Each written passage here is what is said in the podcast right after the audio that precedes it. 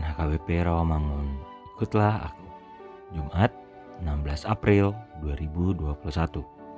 Dengan judul Orang benar akan hidup oleh percayanya.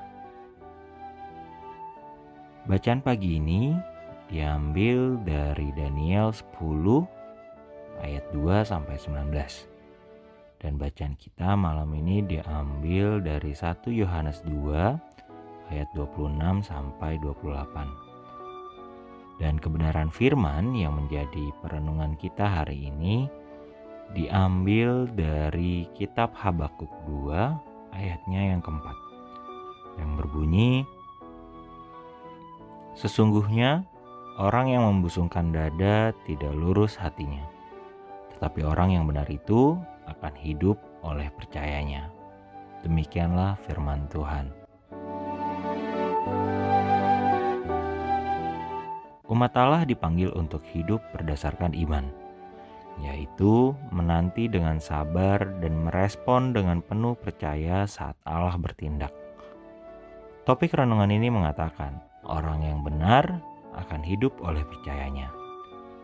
Kehidupan iman tidak lepas dari situasi kritis di mana umat dipanggil untuk menanti dengan iman di antara pertanyaan dan jawaban sebagai bagian yang dibutuhkan dalam kehidupan umat percaya. Memang, hidup beriman bukanlah kehidupan yang instan. Adakah kita menanti jawaban Tuhan sekarang ini?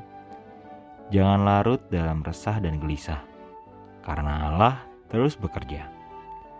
Yang kita lakukan adalah menyerahkan hidup kepadanya di tengah ketidakmengertian kita. Itulah iman kita tidak bisa memaksakan kehendak kepada Tuhan, karena hidup kita berada di bawah kekuasaan dan kedaulatan Tuhan. Setiap orang atau keluarga menghadapi pergumulan yang berbeda. Ada banyak masalah keluarga yang kita doakan. Namun tidak semuanya segera dijawab Tuhan menurut keinginan kita. Terkadang kita kurang sabar menanti jawaban Tuhan. Jangan putus asa, teruslah berdoa, beriman, dan berharap. Tekun dalam iman dan pengharapan membuat kita semakin kokoh.